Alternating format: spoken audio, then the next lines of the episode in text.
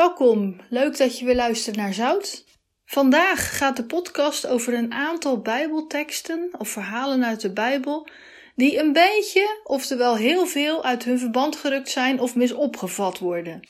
Nou, wanneer je naar een preek luistert, kan dit natuurlijk heel heilzaam zijn. Je kunt namelijk van een preek heel veel opsteken.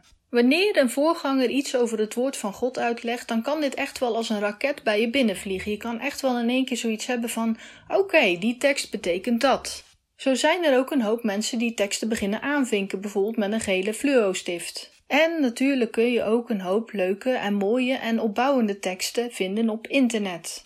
Een Bijbeltekst aanhoren van een voorganger of zelf een Bijbeltekst oplezen kan je dus een gevoel van bemoediging geven, een gevoel van troost. Maar helaas zijn er vandaag de dag ook nog mensen te vinden die een Bijbeltekst volledig uit hun verband kunnen rukken. Ja, en niet alleen dat. Sommige mensen misbruiken een tekst ook, voor hun eigen voordeel. Ik denk namelijk dat alle gelovigen onder ons wel de tekst uit Exodus 20, vers 12 kennen: Eer uw vader en uw moeder. Zomaar een Bijbeltekst uit de tien geboden genomen die helaas heel wat haren ten bergen doen reizen. Want als ik alleen al over mezelf spreek, heb ik deze Bijbeltekst maar al te vaak gehoord van mijn eigen ouders. Want ja, deze Bijbeltekst uit Exodus is helaas een veelgebruikte zin in heel veel huishoudens. En de meeste ouders die hem inzetten, gebruiken hem enkel ten voordele van zichzelf. Eer uw vader en uw moeder is namelijk een gebod van God en het is niet optioneel. Wanneer ouders dus iets van je gedaan willen krijgen, maar niet naar behoren wordt uitgevoerd door je, beginnen ze vaak met deze tekst te wapperen. Het lijkt eigenlijk wel of ze God in hun manipulatieve trucjes willen verwerken. Want als God dit zelf zegt, dan moet je toch wel gehoorzamen. God zegt immers zelf dat je een beetje respect voor ons moet hebben. Je moet ons eren. Ja, eigenlijk zou je eerst moeten weten wat eren nu eigenlijk betekent. Ik denk namelijk dat veel ouders het woord eren verwarren met vereren. Nou, en God zegt nou eenmaal in de Bijbel dat je geen andere goden mag vereren. Dit kunnen dus ook mensen zijn. Dus dan is het weer een gebod om je ouders te vereren. Maar eren betekent eigenlijk in ere houden, eerbiedigen of respecteren. En ja, natuurlijk is dat niet altijd even gemakkelijk. Je ouders kunnen gewoonweg heel moeilijke mensen zijn die je nou niet makkelijk in ere houdt. Ze zeggen namelijk ook wel eens ere aan wie ere toekomt. Want laten we nu eerlijk zijn, is het erg gemakkelijk om je ouders te respecteren als ze disrespect naar jou vertonen. Het eerbied dat je ouders krijgen is eigenlijk iets wat ze eerst zelf gezaaid zouden moeten hebben. Ze moeten jou respect bijbrengen.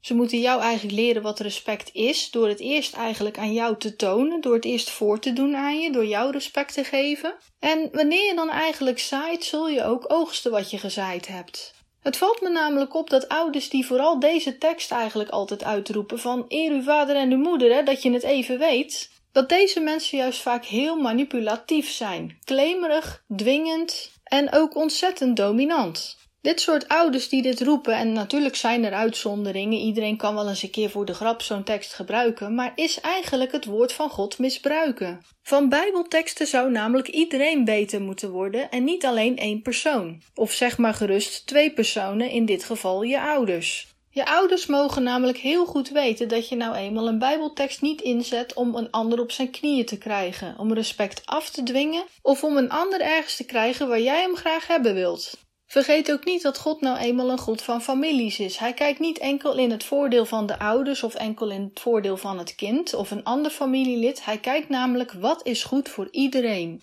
Maar goed, we moeten natuurlijk niet vergeten dat deze tekst wel degelijk in de Bijbel staat. En het is ook, zoals ik net al zei, een gebod dat staat in de tien geboden. Echter, het is wel een gebod waar veel mensen zich niet goed aan kunnen houden.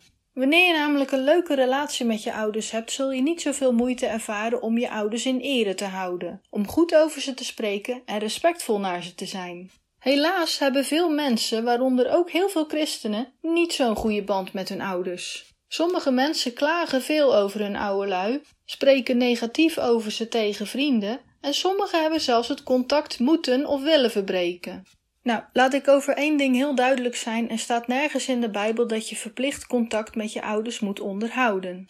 Wanneer er vreselijke dingen in je jeugd zijn gebeurd, of wanneer het contact met je ouders op een of andere manier gewoon niet mogelijk voor je is, dan leef je niet in zonde, daar hoef je niet bang voor te zijn. Zelf heb ik jaren geleden het contact met mijn ouders verbroken omdat het op een of andere manier niet meer mogelijk was om een normaal contact met ze te onderhouden en heb ik besloten om ze te vergeven in mijn hart, maar niet meer om te verzoenen. Je mag echter van me weten dat ik nog wel jaren negatief over mijn ouders gesproken heb. Ik gaf ze ook vaak de schuld van dingen die misgingen in mijn leven. Wanneer ik aan ze dacht, werd ik emotioneel en maakten het ook veel dingen in me los. Maar op een dag merkte ik eigenlijk dat dit niet goed was, dat ik hiermee moest stoppen. Ik beweerde namelijk dat ik een goede vrucht was van een slechte boom. Dit is trouwens ook een gelijkenis waar Jezus in de Bijbel over spreekt. Want ja, ik was een goede vrucht van een slechte boom. En misschien beweerden mijn ouders vice versa wel dat ik een slechte vrucht van een goede boom was. Nou, ik zal je zeggen, beide gevallen zijn niet waar en kunnen ook niet. Ik kan namelijk niet beweren dat ik een goed mens ben, terwijl mijn ouders slecht zouden zijn. Slechte mensen brengen geen goede mensen voort. Ik zeg niet dat je nooit goed kan worden, maar daarvoor moet je echt een ommekeer maken. Want zeg nou zelf, goede mensen brengen ook geen slecht kind groot. Er moet ergens een twist halverwege gekomen zijn, of er moet iets gebeurd zijn in dat gezin waardoor iemand toch een kink in de kabel krijgt. Dit is namelijk niet iets wat ik beweer, dit is iets wat de Bijbel beweert. Maar goed, zoals ik al zei, alles kan natuurlijk weer op zijn pootjes terechtkomen. Maar laten we dan in ieder geval stoppen met onze ouders zwart te maken. Het heeft geen zin als je contact verbroken hebt om eigenlijk door te lispelen en door te kwijlen op dingen die jaren geleden gebeurd zijn, met mensen die je eigenlijk toch niet meer ziet, waar je geen contact meer mee hebt. Want negativiteit doet eigenlijk niemand echt goed, ook jou niet. Maar goed, je zou dus kunnen zeggen: Oké, ik zie mijn ouders niet meer, of ik zie ze sporadisch en het contact is slecht of verbroken of het gaat niet. Toch kun je dat gebod eigenlijk in ere houden door je ouders in ere te houden. Je kunt ook gewoon zeggen: joh, ik praat niet over mijn ouders of dingen liggen nou eenmaal gevoelig. Sommige dingen zijn gewoon te lang geleden om daar eigenlijk überhaupt vandaag nog over te praten. Maar goed, ik weet dat het moeilijk is om dingen los te laten, om het een plekje te geven, maar je kunt dit ook gewoon aan God toevertrouwen. Als jij zegt, Heer, ik wil echt dat gebod, eer uw vader en uw moeder in ere houden, dan gaat God jou daar zeker weten bij helpen. God is namelijk een God die heel graag wil dat jij zijn wil doet. En als jij zijn wil wil doen, dan gaat hij er echt bij helpen. Daar kun je zeker van op uitgaan. Oké, dan gaan we even doorspoelen naar Johannes 2, vers 1 tot en met 12. In dit stuk Bijbeltekst was Jezus namelijk te gast op een bruiloft in Cana en deed hij zijn eerste wonder. Hij veranderde namelijk water in wijn. Nou, en misschien voel je hem al aankomen. Heel wat mensen met een drankverslaving vinden dit verhaal natuurlijk opperprachtig. Opnieuw zie je dat er hier een Bijbeltekst, zeg maar gerust een heel verhaal, wordt misbruikt om eigenlijk een goedkeuring te geven om te veel te drinken. Want ja, zeg nou zelf, de wijn was op op het feest. Niemand zei, nou, jullie hebben al meer dan genoeg gedronken, laten we maar een beetje water nemen.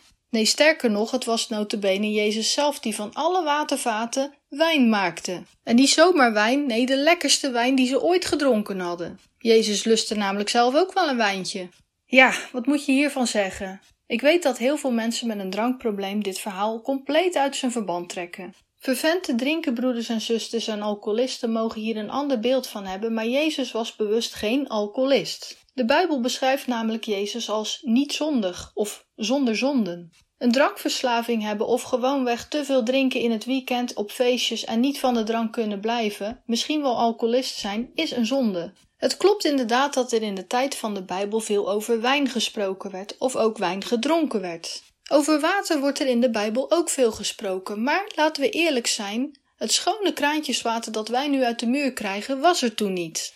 Net zoals er in de late middeleeuwen in Europa tafelbier op tafel stond om je eten mee door te spoelen, zo was er in het Midden-Oosten vroeger ook wijn om je eten mee weg te teren. In wijn zat namelijk alcohol en alcohol doodt bacteriën. Niet overal in de tijd van de Bijbel was er vroeger een bron om uit te drinken, schoon water. Wijn was namelijk heel belangrijk, omdat je er gewoon ook niet echt ziek van kon worden. En laten we ook eerlijk zijn, slootwater aan je gasten geven op een bruiloft is nou ook niet echt heel erg charmant. Jezus stak dus bij zijn eerste wonder helemaal alcoholisten geen hart onder de riem, maar wilde gewoon geen pretbederver zijn op dit fantastische bruiloftsfeest. Wanneer Jezus ook over wijn spreekt, spreekt hij altijd met veel eerbied erover. Neem bijvoorbeeld een voorbeeld aan dat hij de wijn op het laatste avondmaal zijn bloed noemt. En het bloed van Jezus is gewoon heilig. Over dronkenschap spreekt de Bijbel namelijk helemaal niet zo positief. Jezelf bezatten wordt in Efeze 5 vers 18 juist heel stellig afgeraden. Daarin staat namelijk: Bedrink u niet aan wijn waarin bandeloosheid is, maar laat u vervullen met de Heilige Geest.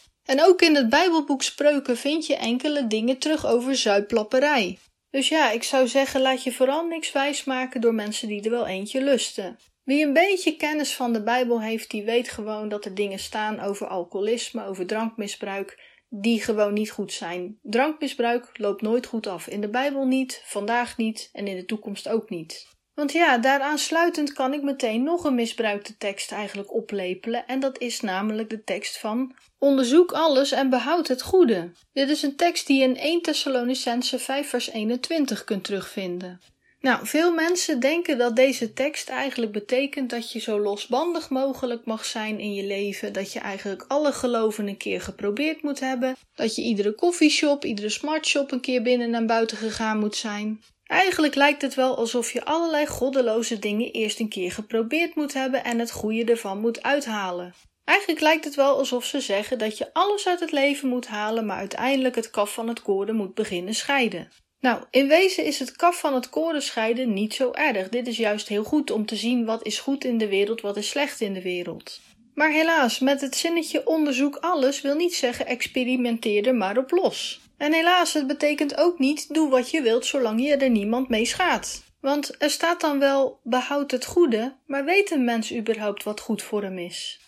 Ja, het klinkt misschien een beetje onderwijzend van me, maar het valt me op dat heel vaak mensen een bepaalde Bijbeltekst uit de Bijbel halen, deze isoleren voor zichzelf, maar weigeren het hele verhaal te lezen. Ze knippen als het ware één klein tekstje uit een heel Bijbelverhaal. Maar ik ben eigenlijk van mening dat je zonder de rest van het verhaal niet goed de boodschap meekrijgt van wat de tekst nu eigenlijk inhoudt. Dus ook wat Paulus bedoelt met onderzoek alles en behoud het goede, is het belangrijk dat je de hele context van het verhaal eventjes doorleest.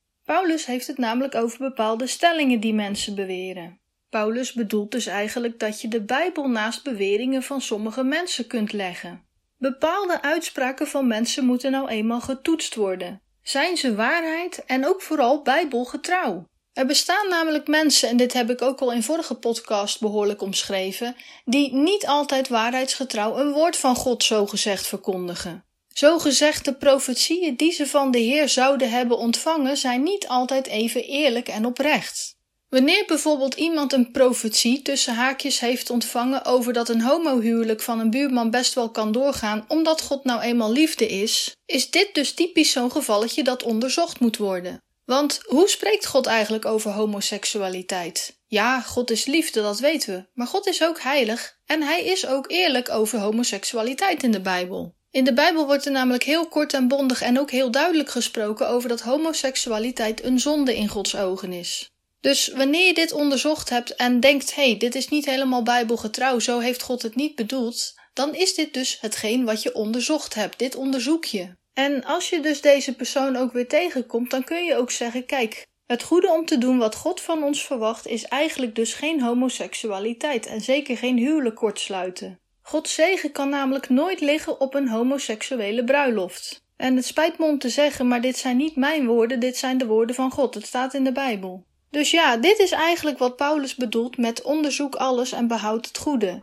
Paulus vraagt dus eigenlijk gewoon aan ons of we de Bijbel naast de woorden van een bepaalde bewering willen leggen. Want het goede dat in de Bijbel staat, komt van God. God is namelijk goed. En als we dat naleven, dan gaan we een heel gelukkig leven leiden. Oké, dan gaan we even door naar Matthäus 7, vers 1 tot en met 5. Daar zegt Jezus eigenlijk tegen zijn leerlingen: Oordeel niet opdat gij niet geoordeeld zult worden. Oftewel, veroordeel een ander niet, want dan word jij ook niet veroordeeld. Nou, dit is wel een zinnetje dat ik heel veel christenen vaak en veel hoor zeggen. We mogen immers niet oordelen over iemand anders. Iemand anders zijn visie op de wereld met de grond gelijk maken is een doodzonde. Stel je namelijk voor dat God ons ook direct een bliksemschicht in ons hart schiet.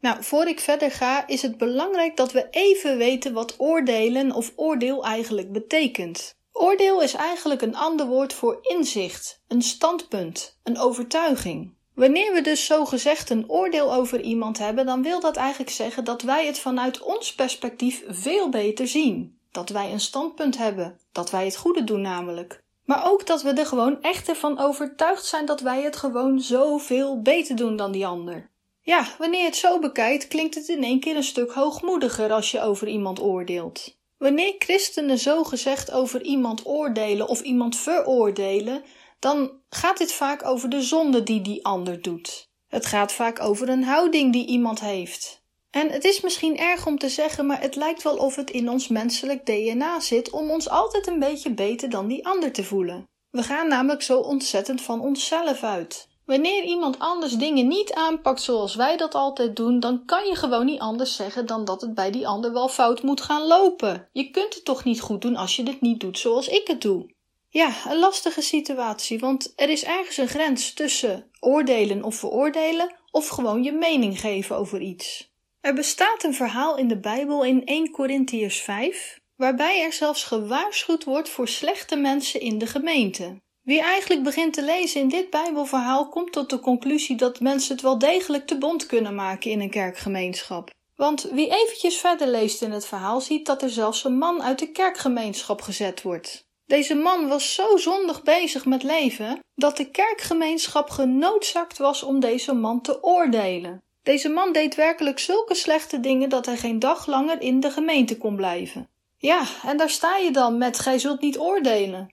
Kijk, het is heel belangrijk dat wanneer je iemand anders ziet zondigen, je ook even met je hand in eigen boezem eerst tast. Ik geef eerlijk toe dat ik vroeger, toen ik net bekeerd was, er ook heel snel bij was om iemand anders, ja, zo gezegd, te oordelen. Ik had altijd wel een mening over iemand anders die het niet zo goed deed in mijn ogen. Zo had ik zelfs bijvoorbeeld heel veel kritiek op ons voorgangers-echtpaar. Ik vond dat ze wel wat meer mochten doen, ik vond dat ze wat meer in actie moesten schieten, er mocht wel wat meer transparantie komen. En het rare is, achteraf bekeken kan het zijn dat enkele elementen in dit verhaal helemaal waar waren en ook klopten. Er waren namelijk ook nog meer medebroeders en zusters die dit ook vonden. Echter, ik besefte mij later, ik ben geen voorganger of voorgangersvrouw. Ik draag niet de lasten die zij moeten dragen.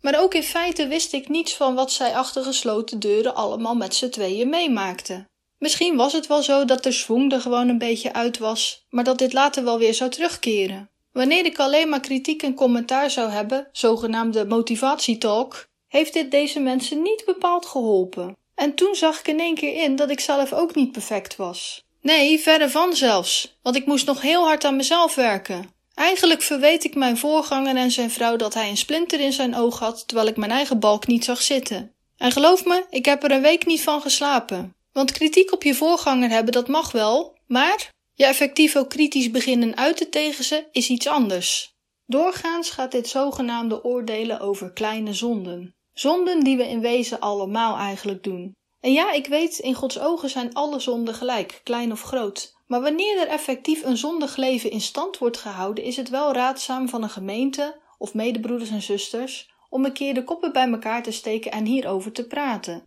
Veroordelen of oordelen, dus wat ik zei, jezelf beter voelen dan die ander, is niet nodig. Maar goede richtlijnen in een kerk zijn dat wel. Zondigen doen we allemaal, maar we houden niet allemaal een zondig leven in stand.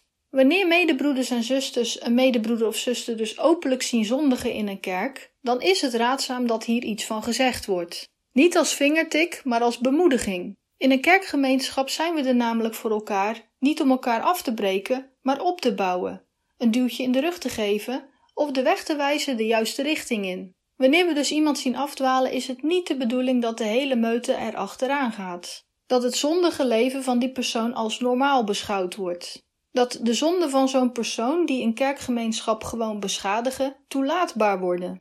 Laten we dus zeggen over deze Bijbeltekst dat een mening over iemand hebben helemaal niet verkeerd is. God heeft ons een vrije wil en een eigen mening gegeven. En je mag van me weten dat ik soms ook best vind dat ik betere keuzes dan anderen maak met momenten. Soms zie je gewoon iemand onwijs domme keuzes maken en dat ik ook wel eens achter mijn oren krabbel en denk van, ja, zo'n keuze zou ik zelf niet maken. Maar het belangrijkste wat je kunt doen in zo'n geval is bidden voor zo iemand. Probeer niet op iemand neer te kijken op zo'n moment, maar probeer eigenlijk iemand omhoog te trekken in gebed. En wanneer je het ook echt moeilijk hebt met bepaalde personen in je leven en je hebt daar wel degelijk een oordeel over, breng dit altijd bij de Heer, breng dit bij God en vertel hem wat je dwars zit aan die persoon. God zal je altijd zijn waarheid laten zien en hij zal ook proberen om jou misschien wel geduldiger te maken met die persoon. God zoekt namelijk altijd dingen uit om jou aan jezelf te laten werken en niet om zozeer die ander in jouw droomvoorbeeld te laten veranderen. Oké, als laatste wil ik graag een woord omschrijven uit de Bijbel dat vreselijk veel misbruikt wordt helaas. Het is het woord liefde. Nou, het zou best kunnen dat je even met je oren staat te tuteren nu, omdat je denkt: Goh, het woord liefde, wat kan daar nou eigenlijk aan misbruikt worden? Liefde is toch een positief woord? En toch wordt het soms zo gedraaid dat het eigenlijk een soort manipulatiemiddel is voor vele mensen, een soort vrijpleitingswoordje voor vele zonden die ze kunnen begaan. En het woord liefde wordt soms echt uit zijn verband gerukt. Al eerder zei ik in een podcast dat God liefde is, maar God is niet alleen liefde, God is ook heilig. God is geen lieverd die alles prima vindt en goed vindt en als jij het maar naar je zin hebt, nou dan moet dat allemaal maar kunnen. Kijk, de Heer is een lieverd, maar hij is ook heilig. En God wil ook dat we naar hem luisteren, dat we zijn woord serieus nemen en niet dat we onder het mom van zijn liefde alles maar kunnen doen in ons leven. De laatste tijd valt het me op dat veel katholieke kerken, ja echt katholieke kerken spreek ik over, zich beginnen aansluiten bij een homo-inzegeningslegalisatie. Met andere woorden willen ze eigenlijk een homohuwelijk tussen twee vrouwen of twee mannen mogelijk kunnen maken in de katholieke kerk. De bisschop van Antwerpen, Johan Bonny, vond het nodig om pas geleden op televisie een heel interview te geven over dat hij volledig achter het homohuwelijk was gaan staan. Ja, mensen, God is toch liefde. En liefde, dat zit niet in geaardheid. Of je nu met een vrouw wilt trouwen of met een man, twee mannen, twee vrouwen, het maakt toch niet uit. God is liefde. Nou, ik zou zeggen, bisschop Bonnie, onderzoek alles, maar behoud het goede. Als ik deze meneer was, zou ik de Bijbel nog eens naast zijn bewering leggen. En hij zal zien dat God inderdaad liefde is, maar God houdt niet van homohuwelijken. Zoals ik al in een eerdere podcast zei, God maakte Adam en Eva, en niet Adam en Evert of Eva en Ada. God zegt ook in de Bijbel: Als man zal uw verlangen uitgaan naar een vrouw, en als vrouw zal uw verlangen uitgaan naar een man. Ik weet zeker dat God nog heel veel liefde voor bisschop Bonnie koestert. Maar het is wel heel duidelijk dat bisschop Bonnie God niet zo serieus neemt. Het spijt me om te zeggen, maar homoseksualiteit is een zonde. Je hebt zoveel zonden, maar dit is een zonde. Een homohuwelijk tussen twee mannen of twee vrouwen goedkeuren en inzegenen is dus een zondig leven in stand houden en heeft niets te maken met liefde. Maar niet alleen mensen van hetzelfde geslacht die zeggen van elkaar te houden misverstaan het woord liefde. Ook bij heterostellen wordt het woord liefde helaas te veel misbruikt. Hoe vaak hoor je immers stelletjes niet zeggen: Als je echt van me zou houden, dan zou je wel dit of dat voor me doen. In de Bijbel vraagt God van een vrouw om een goede echtgenote te zijn en haar man te respecteren. De man daarentegen moet het hoofd van het gezin zijn, en hem wordt opgedragen om zijn vrouw lief te hebben en niet bitter naar haar te zijn. Wanneer je als getrouwde man dus hoofd van het gezin bent, ben je niet een of andere klootzakkerige baas. Geen dominante dictator waar iedereen maar gehoor aan moet geven. Want op die manier heb je je vrouw niet lief. Liefde is sowieso iets wat je niet bij echtgenoten kunt afdwingen. Maar toch vraagt God aan beide partijen om elkaar lief te hebben. Liefde in een huwelijk is niet elkaar gelukkig proberen te houden en elkaar vol continu te pleasen. Laten we namelijk goed onthouden dat alleen God echt gelukkig maakt. In wezen kun je dus eigenlijk wel met andere woorden stellen dat je man of je vrouw je eigenlijk niet gelukkig kan maken. Een tijd geleden had ik helaas een akkefietje met mijn man en zei ik: Ik ben niet de perfecte vrouw voor je. Dat was ik vroeger niet, dat ben ik vandaag niet en dat zal ik nooit niet zijn. Alleen God kan je echt gelukkig maken. Een droomvrouw, een ideale vrouw, is namelijk iemand die dood is. Die kan niks verkeerd doen. Die maakt geen fouten. Die zeurt niet. En die zegt ook nooit iets verkeerd. Ja, liefde tussen gehuwden is natuurlijk altijd voorwaardelijk. Onvoorwaardelijke liefde bestaat niet. Ik weet dat er moeders rondlopen die zeggen: Ik hou onvoorwaardelijk veel van mijn kind, maar ik zeg je, dit bestaat gewoon niet, dit kan niet. Het is makkelijk gezegd als je lieve kinderen hebt die gehoorzaam zijn, die af en toe een keer een foutje maken, maar het ook weer bijkomen leggen, dan kun je zeggen: Ja, ik hou onvoorwaardelijk veel van mijn kinderen.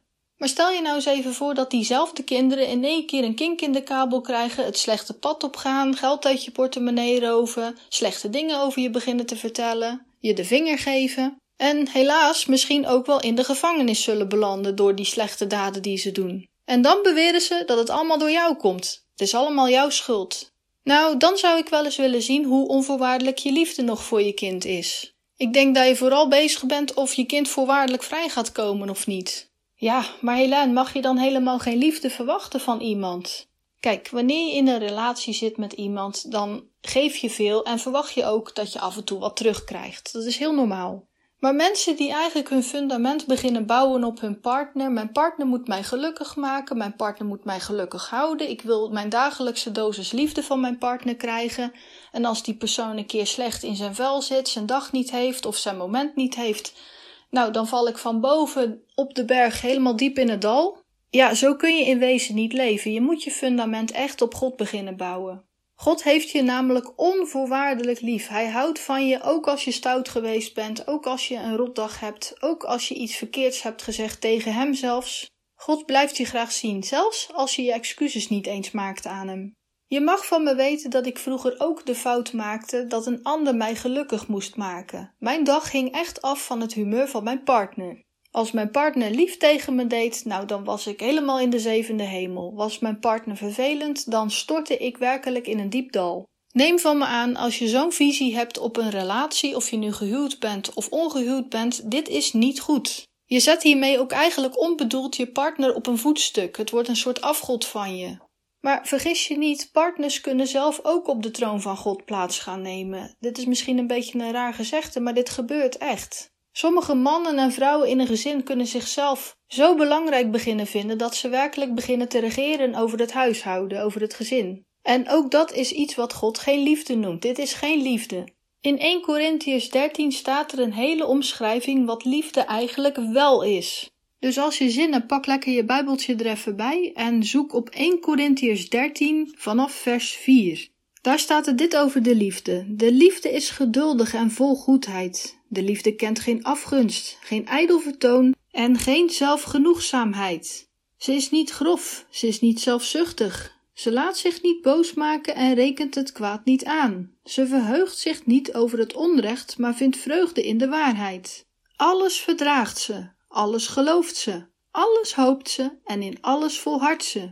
Ja, poeh, laten we eerlijk zijn, dit is nogal wat. De tekst begint namelijk met de liefde is geduldig en vol goedheid. Nou, als ik een beetje om me heen kijk naar gezinnen uit mijn gemeenschap, dan zie ik daar niet altijd evenveel geduld in voorkomen. En ik moet eerlijk toegeven dat ik ook niet altijd evenveel geduld met mijn partner heb. Dat stukje van goedheid is dan weer iets anders. Ik probeer wel altijd goed te doen voor mijn partner, maar geduld heb ik niet altijd en hij ook niet naar mij. Want ja, als je ook een beetje verder leest, dan staat er ook: de liefde is niet grof. Nou, we zeggen allemaal wel eens een keer iets grofs. We hebben een keer onze dag niet en we knallen het er gewoon uit. En ook is de liefde niet zelfzuchtig. Ze maakt zich niet boos en ze rekent het kwaad niet aan. Nou, de laatste tijd merk ik wel dat ik probeer om echte vrede te bewaren in huis, maar wel in alle oprechtheid. Maar boos worden, dat kunnen we allemaal wel een keer. Soms doet onze partner gewoon iets wat echt niet leuk is en je kunt je gewoon op het moment een keer kwaad maken. Niemand krijgt graag een snauw of een knauw of een veeg uit de pan, zoals ze dat ook wel kunnen zeggen. En er staat ook nergens in de Bijbel dat je dit leuk moet vinden of dat je dit allemaal moet goedkeuren, maar de Bijbel draagt ons wel op dat als mensen van elkaar houden, dat ze het goed maken met elkaar. De Bijbel is zelfs heel stellig dat we het eigenlijk voordat de avond valt, het eigenlijk moeten bijgelegd hebben. Wanneer je het eigenlijk samen niet bijlegt of een van de partners wil het niet goed maken, dan zet je eigenlijk een deur open voor bitterheid en kan er onvergevingsgezindheid in je hart sluipen. En onvergevingsgezindheid heeft niets met liefde te maken. Dat is eigenlijk een afstoot van de liefde. Dat is het niet willen goedmaken. En het is als het ware een schimmel die een paddenstoel begint te worden. En voor je het weet zit je met een heel zwammencircus in je hart. Dus maak het altijd goed met elkaar. Probeer toch dingen uit te praten. En als het niet lukt, betrek daar ook je gemeente bij. Vraag raad aan oudsten, vraag raad aan je voorganger. En zij zullen altijd de Bijbel ernaast leggen wat je moet doen. Je kunt dit zelf ook doen. Je kunt altijd de Bijbel raadplegen van: Heer, wat moet ik doen om het weer goed te maken thuis? Maar goed, om de podcast af te sluiten, wil ik even zeggen dat liefde dus een misbruikt woord is. En dat is eigenlijk jammer, want liefde kan zoiets goed zijn. God heeft zoveel liefde voor de mensheid, dat is gewoon met geen pen te beschrijven. En wat ik ook net zei, is ook echt waar. We kunnen eigenlijk alleen maar van Hem echte liefde krijgen. We kunnen dit niet krijgen van onze ouders, we kunnen dit niet krijgen van een vriendje of een vriendinnetje, van een goede vriend of vriendin, van een partner. Laten we onze verwachtingen niet richten op mensen. Mensen kunnen ons pijn doen. Mensen kunnen ons teleurstellen. Ook al bedoelen ze het zo goed, kunnen ze ons toch zeer doen. Maar ik zeg je, wie op God vertrouwt, die heeft niet op los zand gebouwd. De Heer is er altijd voor je. Hij waakt altijd. Hij slaapt nooit. Hij staat altijd voor je klaar om jou je dosis liefde te kunnen geven. Zoek dus zijn aangezicht, zoek zijn koninkrijk eerst en de rest wordt allemaal gegeven. Ik hoop dat je er iets mee bent opgestoken en ik hoor je graag de volgende podcast weer terug.